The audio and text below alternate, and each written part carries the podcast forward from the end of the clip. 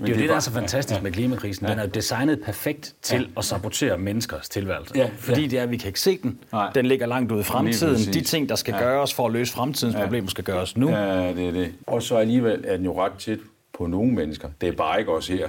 Nej. Øh, på, på, på de her grader. Du lytter til podcasten Bæredygtig Business. Lige nu står vi over for flere udfordringer.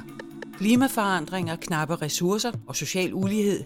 Men i denne podcast lægger vi idealismen på hylden og undersøger, hvilken rolle verdens virksomheder vil spille i omstillingen til et bæredygtigt samfund. Tag med, når CSR-direktør og foredragsholder Steffen Max Hø taler med førende eksperter og undersøger, om der er penge i at tage et socialt og miljømæssigt ansvar. Goddag Michael Sølner. Tusind tak, fordi du vil være med i Bæredygtig Business. Tak fordi jeg måtte være med. Jamen det er da ja. helt afgjort min fornøjelse. Grunden til, at vi skal tale med dig, det er jo fordi, du sidder jo faktisk som, øh, som øverst ansvarlig for Danmarks Grønne Investeringsfond. Og, øh, og det er jo lidt spændende det her med, hvordan er det, vi får øh, jeg skulle til at sige mobiliseret pengene, men det er jo bund og grund det, det drejer sig om, det er at få flyttet pengene over i nogle teknologier, hvor det er, at vi rent faktisk kan få noget klimagevinst, samtidig med, at vi også kan få noget økonomisk gevinst. Men Michael, inden vi springer ud i alt det, kan du ikke lige fortælle lidt om din vej her til? Du har jo været lidt i bankverdenen tidligere. Hvordan er du endt her, hvor du er?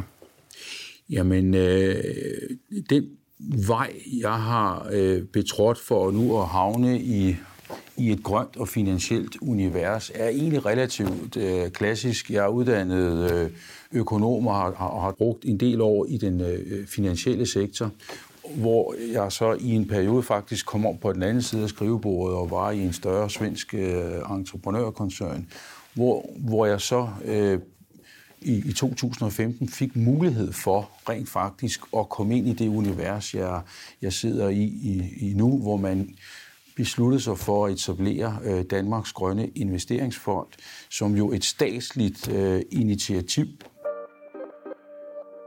Staten har i september måned lanceret et meget væsentligt initiativ inden for grøn omstilling og bæredygtighed, kaldet Danmarks Grønne Fremtidsfond. 25 milliarder i øh, offentlige risikovillige penge til at understøtte denne her dagsorden. De 4 milliarder går til Vækstfonden, til egenkapital. De 6 milliarder går til Danmarks Grønne Investeringsfond som lånekapital. De 14 milliarder går til EKF, øh, Eksportkreditfonden, og de, den sidste milliard til IFO, Industrialiseringsfonden for udviklingslande. De fire statslige fonde er, en, er samlet en del af Danmarks Grønne Fremtidsfond. Jeg tror, det er, er blevet åbenlyst for enhver, øh, at det her er en dagsorden, vi er nødt til at tage seriøst og alvorligt. Øh, vi drøftede jo øh, for eksempel lige før øh, øh, øh voldsomme varmegrader i øh, Kanada. Vi har utallet af satellitfotos, der viser glitcher, der, der mindskes i størrelse. Jeg havde lige fornøjelsen af at tale med vores danske astronaut Andreas Mogensen, som, jo, som jeg faktisk spurgte, øh, kan man se, hvordan klimaet forandrer sig, når man øh, kigger på jorden ude fra rummet. Hvad sagde han til det? Øh, jamen, han nævnte faktisk øh, tre øh, eksempler på det. Jeg synes, det er voldsomt fascinerende og viser jo, hvor vigtigt det her er. Det ene, han sagde, det var, at skoven brænder. Man kan simpelthen se fra rummet, at, at vores skove, jordens lunge, i visse steder er i flammer. Altså bogstaveligt talt? Bogstaveligt talt. Det kan du se fra rummet. Det andet eksempel, han nævnte, var, øh, at i de store byer, over de store byer, kan, hænger der en, en tåge af forurening. Og så kan man sige, ja, øh, det er der jo ikke den store overraskelse i, men alligevel, at du kan se det øh, med det blotte øje, når man nu øh, tilbringer øh, sin hverdag på den internationale rumstation. Og det tredje eksempel, han nævnte, det var, når du flyver på jordens dagside og kigger ind på vores planet, som vi jo har set tusinder af billeder af, den her, den her blå oase øh, i, i, med, med det sorte univers som, som bagtæppe, det virker fredfyldt. Øh, det er en oase midt i et stort øh, univers, hvor du egentlig ikke sådan kan se, hvad der egentlig foregår på, på selve øh, jordoverfladen. Men når du så kommer om på jordens natside, så kan du se alle lysene. Lysene fra byerne. Og... Lysene fra byerne, lysene fra skibene. Du kan se, hvor meget vi mennesker egentlig har indtaget af vores klode. På nær måske lige det indre af Grønland og noget i Sahara og Antarktis, så er vi nærmest over det hele. Så vi har egentlig indtaget kloden med alt det, som det i øvrigt måtte medføre af, af impact, øh, forbrug af, af klodens ressourcer, udledning af CO2 og hvad det måtte være. Så spurgte jeg ham, jamen hvad så med oceanerne? Det må jo trods alt, altså det er dog oceanerne, der fylder mest af vores klode. Men han siger, selv der i det sydkinesiske hav er der lys over det hele. Fra skibe, der sejler øh, med, med alle de varer og goder, som vi har brug for for at drive vores samfund. Og jeg synes bare, det er så tankevækkende, at selv derudefra kan du se, hvad det er, vi, vi som, som befolkning har i gang med vores øh, klode. Og jordkloden er jo et, et isoleret, lukket økosystem. Vi har de ressourcer, vi nu engang har. Øh, der kommer ikke nogen udefra. Øh, og man kan sige, det billede træder jo meget, meget tydeligt frem, når man kigger på kloden fra, øh, fra den internationale rumstation. Og det er det, jeg synes, der er meget fascinerende og som både jo indeholder en utopisk fortælling, men selvfølgelig også en dystopisk fortælling. Den dystopiske fortælling, det er jo, hvordan vi udleder CO2, stigende varmegrader i Kanada, glæsjerne, der smelter, øh, og hvad vi nu ellers lytter til af, af, af historier om, hvad der i øjeblikket sker med vores klode. Og det er selvfølgelig noget, vi skal tage alvorligt. Det, der optager mig, det er den utopiske del af fortællingen. Hvordan kan vi transformere vores samfund, så det, der i dag er et problem, rent faktisk kan blive en, øh, en mulighed. Et eksempel på det, noget af det, vi arbejder rigtig meget med i Danmarks Grønne Investeringsfond, det er jo det her med carbon capture. Altså, hvor man fanger, tager CO2'en ud af luften, som jo er et affaldsprodukt, og rent faktisk bruger det igen i nye typer af produkter. Vi ser flere teknologier, hvor man kan tage CO2 ud af skorstensrøg, og så lave øh, øh, jetfuel, øh, plastik øh, eller forskellige andre kemiske øh, komponenter, som vi i dag øh, henter fra fossile brændsler, men det kan du rent faktisk hente ud af den CO2, som du kan fange i luften. Og så pludselig transformerer du et problem til en mulighed. Et affaldsprodukt bliver et råstof. Og det er jo bare et eksempel på den meget, meget vigtige øh, transformative rejse, vi som samfund skal ud i. Og det er det, øh, vi bruger al vores tid på i Danmarks Grønne Investeringsfond.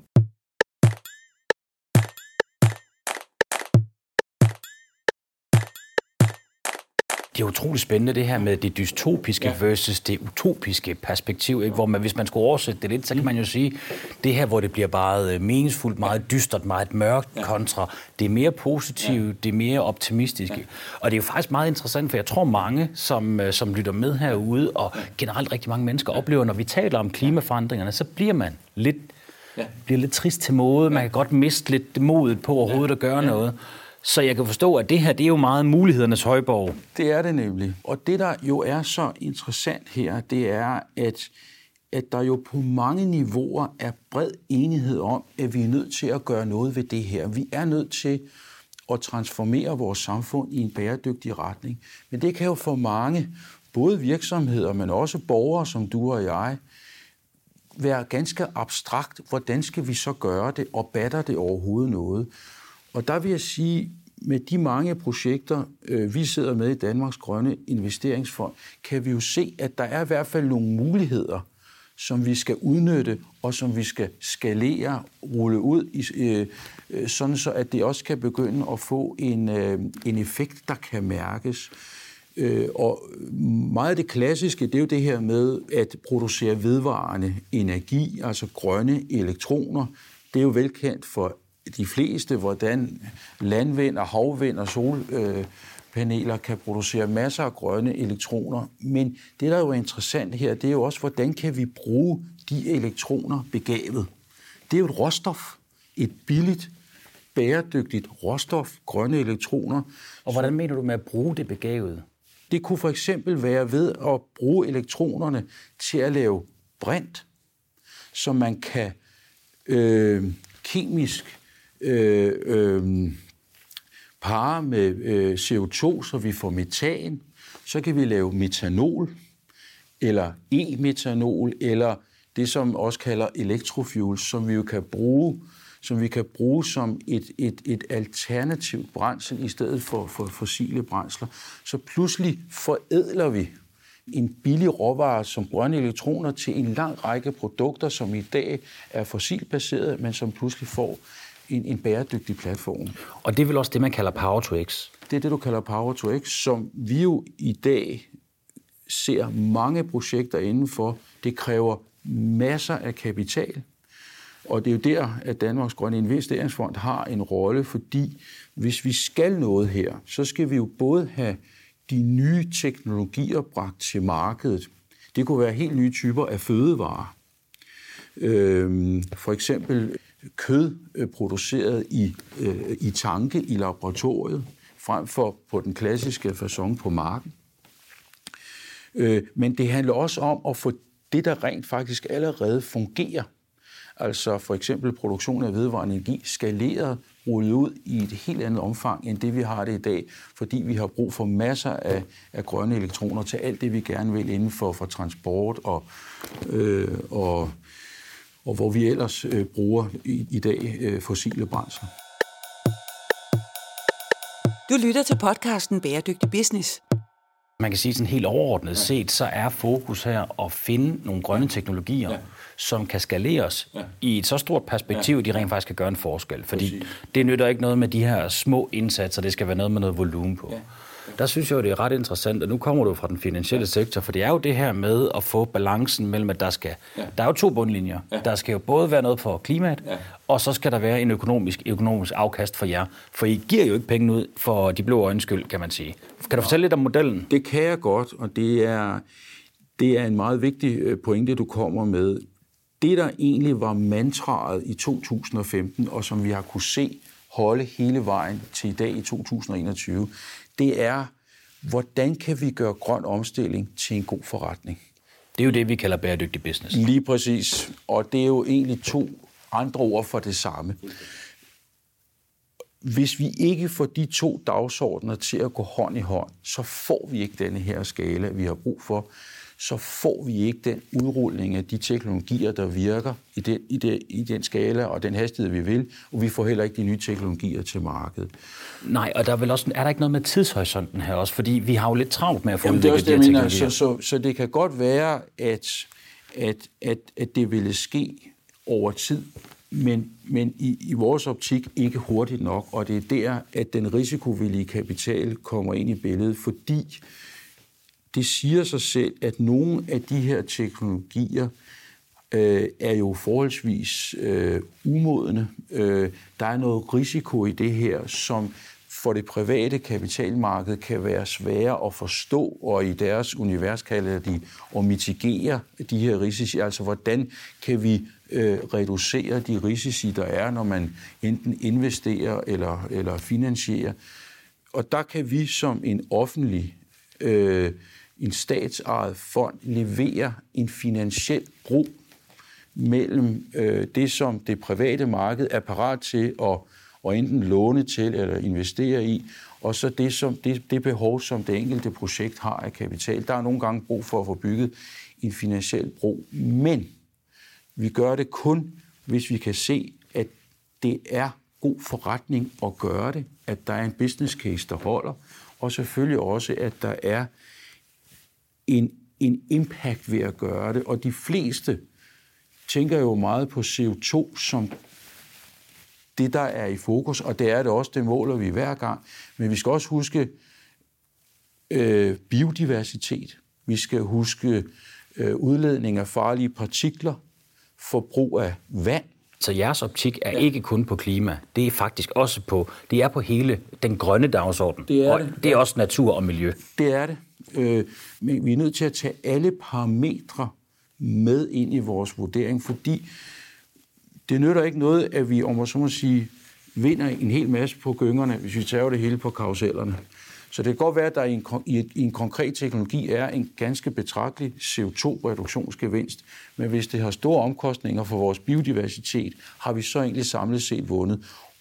Og derfor er vi nødt til at kigge på alle parametre på en gang. Og det gør vi nu i regi af Danmarks Grønne Fremtidsfond, som jo er et, et stort statsligt initiativ, hvor der er kommet 25 milliarder kroner i risikovillig kapital ud til Danmarks Grønne Investeringsfond, Vækstfonden, EKF og IFO. EKF og IFO, lynhurtigt, hvad er det, det er? Det er Eksportkreditfonden og Industrialiseringsfonden for udviklingslande. Alle sammen fire statslige fonde med hver deres formål og hver deres platform, men alle sammen med det ønske om at bidrage til den grønne omstilling og en bæredygtighedsdagsorden.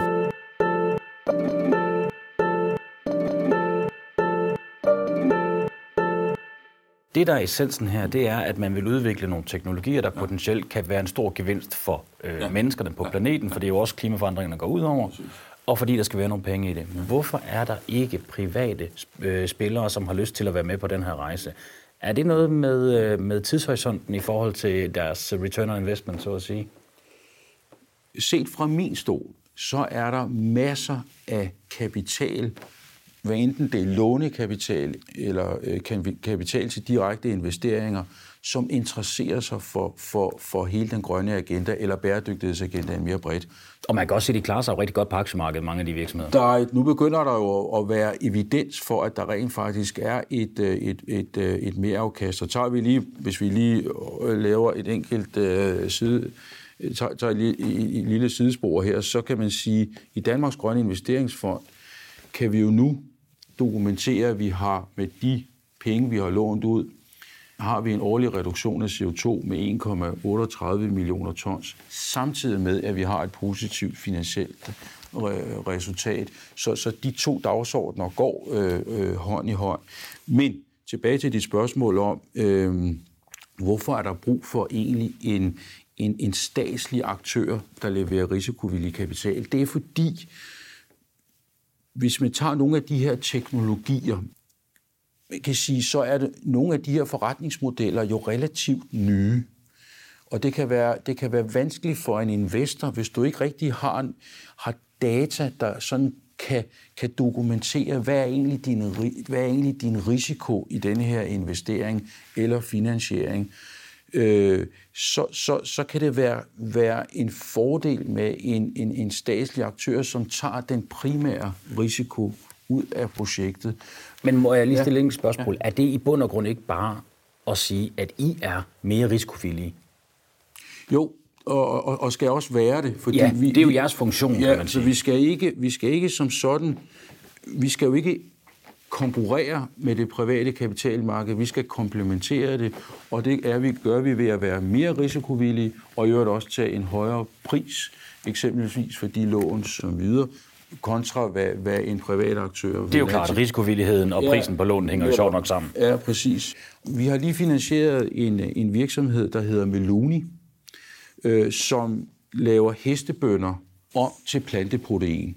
Det taler ind i en, i en meget vigtig dagsorden. Nu taler vi ofte meget energi og, og, og power to x og andet, og alt det, som, som, som det kan gøre af grøn omstilling. Men et andet område, som fylder rigtig meget, det er fødevare. Fødevare er jo en stor øh, spiller. Vi har hele denne her dagsorden omkring planteproducerede proteiner, som jo kan erstatte animalsk protein, og på den måde øh, have en meget væsentlig øh, øh, klimaeffekt, øh, især på CO2. Fordi animalske proteiner er rigtig dyre CO2-mæssigt, klimamæssigt at producere. Og, producere. og der er, har vi et, et helt andet øh, og, og, og, og, og noget bedre regnstykke, når vi taler planteproteiner. Og tilbage til mit eksempel med, med Meluni, der laver hestebønder om til planteprotein. Det er jo en forholdsvis ny teknologi. Øh, det er udsprunget af universitetsmiljøerne og andet. Og en privat investor, enten det er en egenkapitalinvestor eller en långiver, kigger jo ind i en virksomhed, hvor der skal komme hestebønder ind i den ene ende og planteproteiner ud i den anden ende. Hvordan får vi nu sikkerhed for, at vi har helt styr på risikoen i sådan en værdikæde. Er der nu hestebønder nok? Vil der være et aftag i markedet af planteproteinerne, når de nu er færdige? Og hvad, og hvad foregår der inde i selve maskinrummet, hvor de enkelte bønder bliver lavet om til planteprotein? Er der også nogle risici der, vi ikke rigtig kender til? Det kan være svært for en privat aktør at forstå det. Hvorfor er det anderledes end for alle andre investeringer, som private aktører laver? Jamen det, det, det, det er det for så vidt heller ikke andet end i det her tilfælde er det jo en, en ny forretningsmodel og en ny teknologi. Så der er svært, det er svært at benchmarke op imod ja, tidligere cases? Ikke, du har ikke de datapunkter fra, fra 10-15 års øh, arbejde, som du, du kan putte ind i en finansiel model.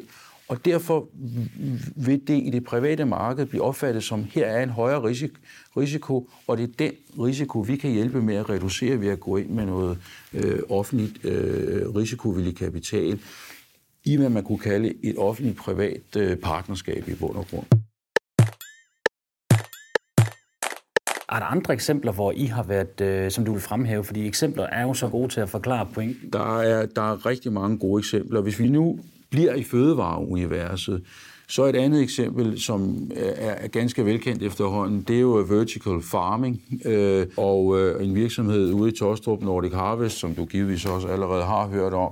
Altså hele den her indoor farming-teknologi. Ja, til folk, der ikke kender det, så er det jo det der med, at vi ikke breder os ud på for mange kvadratmeter, men man begynder at plante i højden og ja, har nogle fordele. Vi er simpelthen i en større industrihal ude i, i øh, Tostrup, der er ganske langt til marken.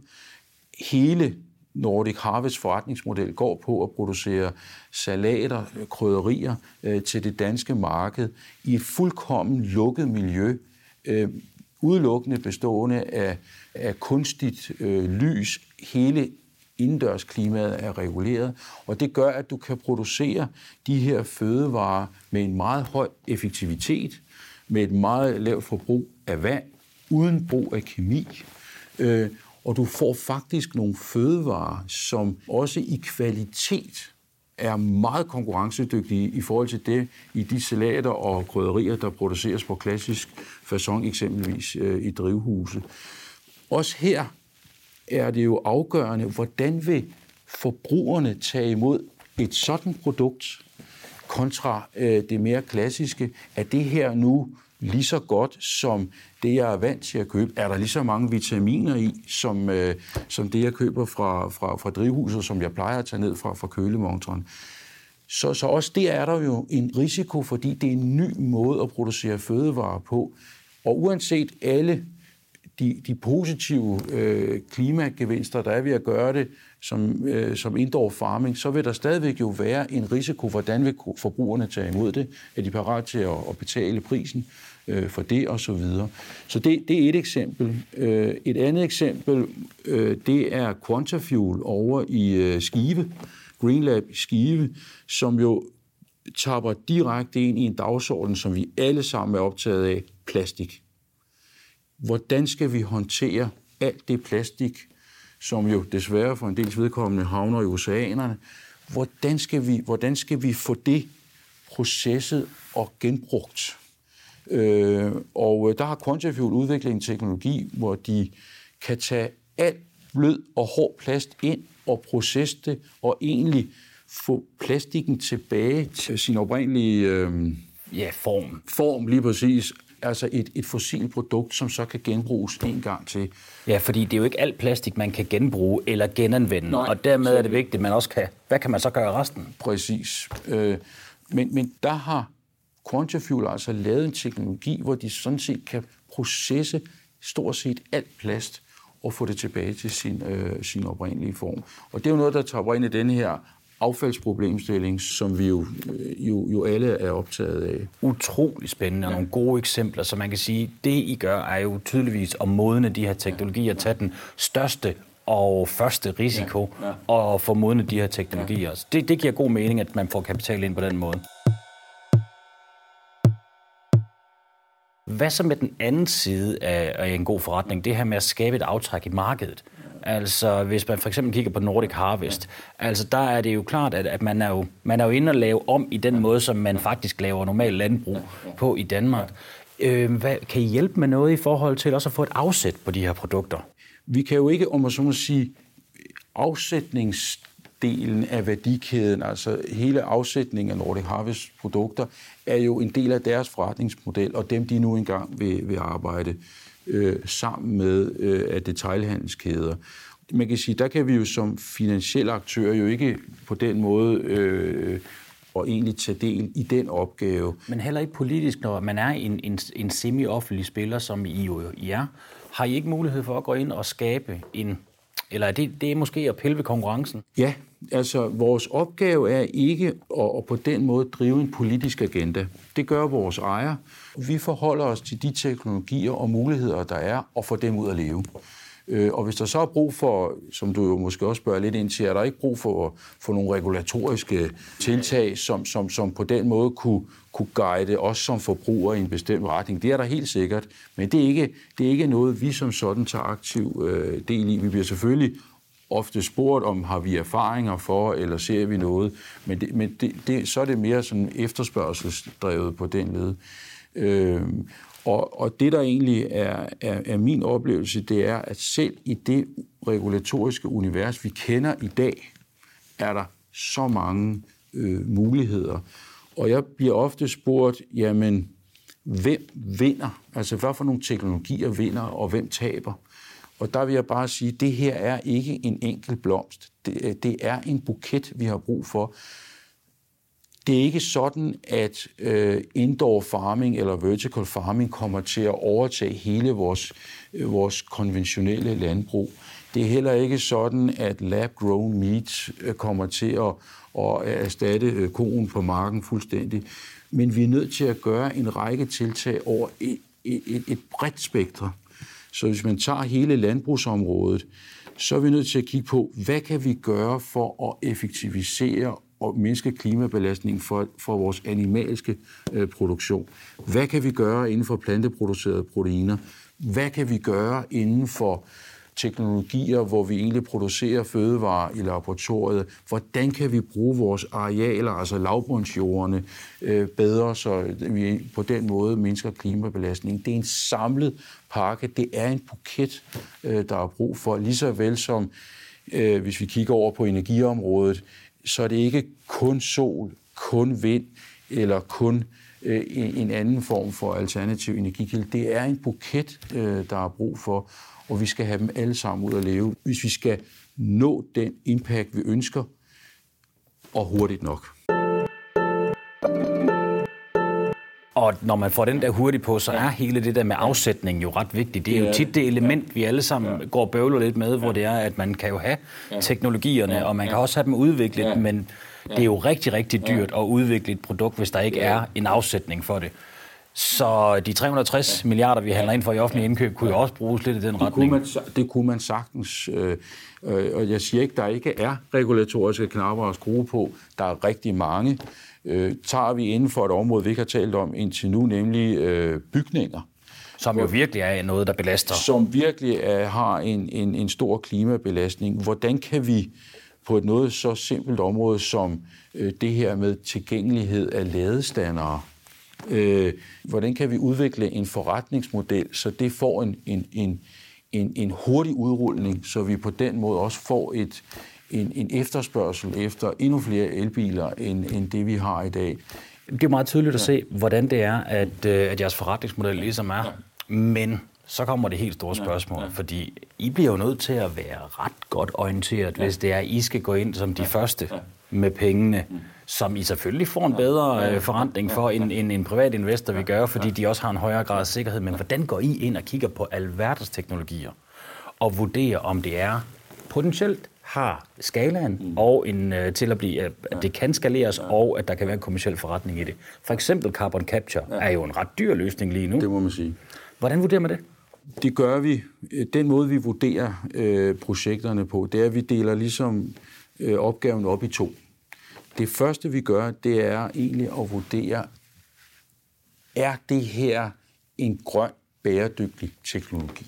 Ja, så når der er flueben ved, om det rent faktisk opfylder kriteriet ja. at være grønt, ja så kigger vi på den finansielle del. Det her det er jo det grønne, eller grøn omstilling, der skal møde den gode forretning. Og den gode forretning afgør vi ved, er der så en solid finansiel model? Er der en business case, sund business case bag ved, ved, ved denne her teknologi. Og det må være det svære. Og det er også svært, men der, der er vi privilegeret, fordi Danmarks Grønne Investeringsfond er jo i familie med Vækstfonden. Og nu nævnte jeg de fire øh, statslige fonde før, men hvis jeg tager Danmarks Grønne Investeringsfond og Vækstfonden, så har vi i Danmarks Grønne Investeringsfond lånekapital, i Vækstfonden har vi egenkapital. Så det vi gør, når vi kigger på business casen, det er at sige, hvad er, egentlig, hvad er egentlig den rigtige finansielle løsning for den virksomhed? Er det egenkapital, eller er det lånekapital? Og det er godt, at vi lige skal uddybe ja. det, at lånekapital, det er jo så, du får mulighed for at køre din virksomhed videre, at du har selv etableret den og skabt den. Ja, altså man kan sige, egenkapital er jo, hvor vi går ind og investerer i virksomheden mod at få en ejerandel. Hvorimod lån er jo, som, øh, som vi jo kender det, der skal betales rente og afdrag, men det giver jo ikke adgang til øh, ejerskab af, af virksomheden.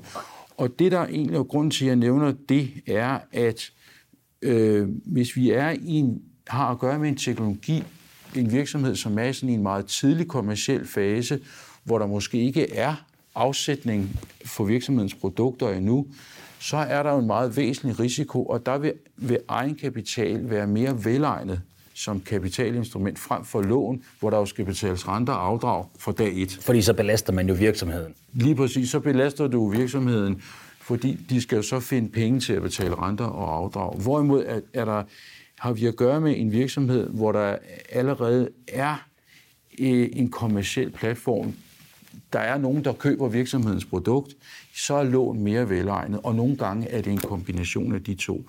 Og der er udstyret Danmarks Grønne Fremtidsfond jo øh, øh, også med 10 milliarder samlet, 4 milliarder til egenkapitalinvesteringer, 6 milliarder til lån.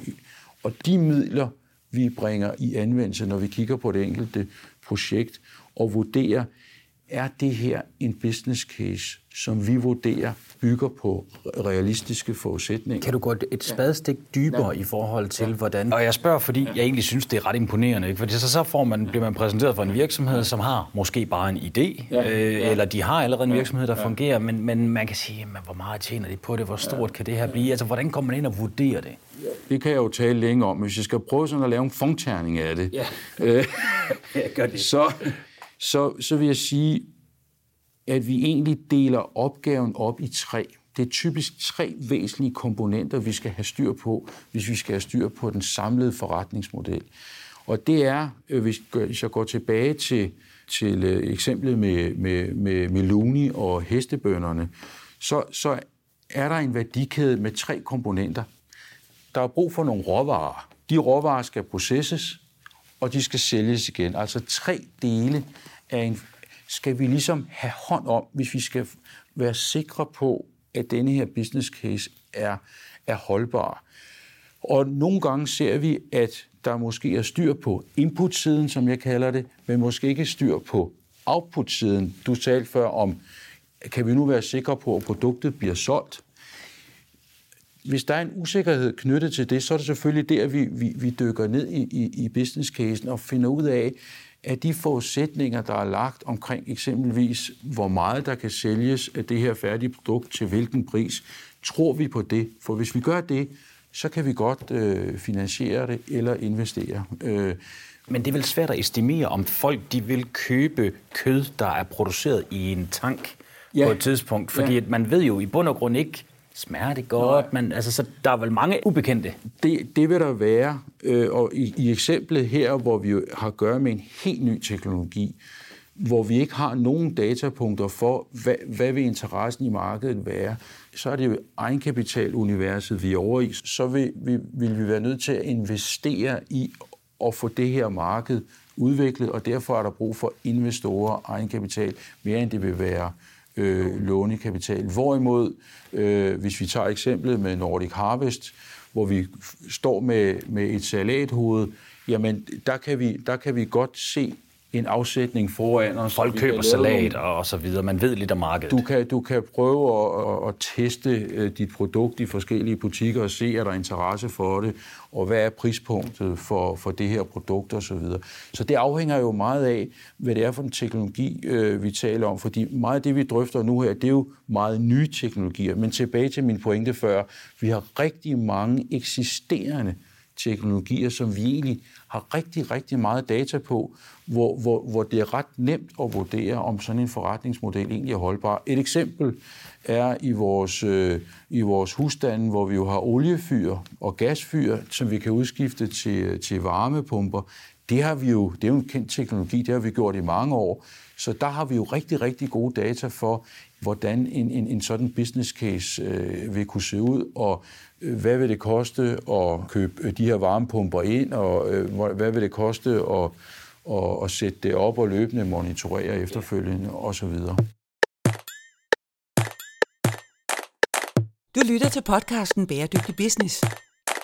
Her til allersidst, ja. hvordan kommer man i betragtning til at få fingrene i nogle af alle de her lån? Hvad er sådan den helt, helt lavpraktisk? Hvordan griber man det an? Og hvem er det derude, I gerne vil i dialog med? Den måde, man kan aktivere Danmarks Grønne Investeringsfond og vækstfond, når de muligheder, der ligger her, det er egentlig ved egentlig i bund og grund at række ud og tage en kontakt til os. Vi har øh, miljøingeniører ansat, som har dyb indsigt i at vurdere, er det her en, en teknologi, der vil bidrage øh, positivt til den grønne omstilling. Vi har et team bestående af finansielle folk, som kan, som kan hjælpe med at dekomponere og forstå hele business casen. For det er jo de to dagsordner, der skal mødes, hvis vi skal være med med, med lånefinansiering. Det er egentlig i den dialog, at vi kan kvalificere, at der er der egentlig et potentiale for et samarbejde. Og det kan godt være, at det så måske er med nogle andre finansielle produkter end lån. Det kunne også sagtens være egenkapital. Det kunne også sagtens være, at der var brug for de mere bløde penge i regi af Innovationsfonden eller EUDP, MUDP, GUDP, de her forskellige støtteprogrammer, øh, som også er statsfinansieret, fordi vi er, vi er måske ikke engang kommet ud af laboratoriet endnu, og vi har brug for at få testet den her teknologi i en eller anden laboratorievariant eller en demonstrationsmodel, hvor det er for tidligt at overhovedet at tale om at investere ind i det eller låne penge til det. Det er egentlig bare, vi inviterer til, det er dialogen. Så skal vi nok finde ud af, hvordan vi skruer den finansielle del af ligningen sammen. Det, der egentlig er, synes jeg, kodeordet til at lykkes med denne her opgave om at accelerere den grønne omstilling i samfundet, det er, at vi egentlig får skabt dialogen, at vi får skabt de rette partnerskaber. Du, det kan være svært som virksomhed med en helt ny teknologi, for eksempel, og egentlig man kan sige, håndtere det samlede puslespil. Det kræver flere partnerskaber, det kræver finansielle partnerskaber, det kræver partnerskaber øh, med afsætningsledet. Det, der, er, der, der, der, der er brug for der, øh, partnerskaber med forskningsmiljøer. Det er det, det, det, jeg ser hver eneste dag. Så ræk ud til os, så kan vi være med til at bygge de her partnerskaber. Det er i bund og grund det, der gør, at du som virksomhed kommer til at lykkes med denne her øh, teknologi. Kapitalen er en del af det, men der er flere elementer, øh, som også skal spille, og det kan vi også hjælpe med. Det synes jeg er en meget, meget fin invitation til folk, der sidder derude og lytter med. Tusind tak, fordi du vil være med i Bæredygtig Business. Jamen, velbekomme.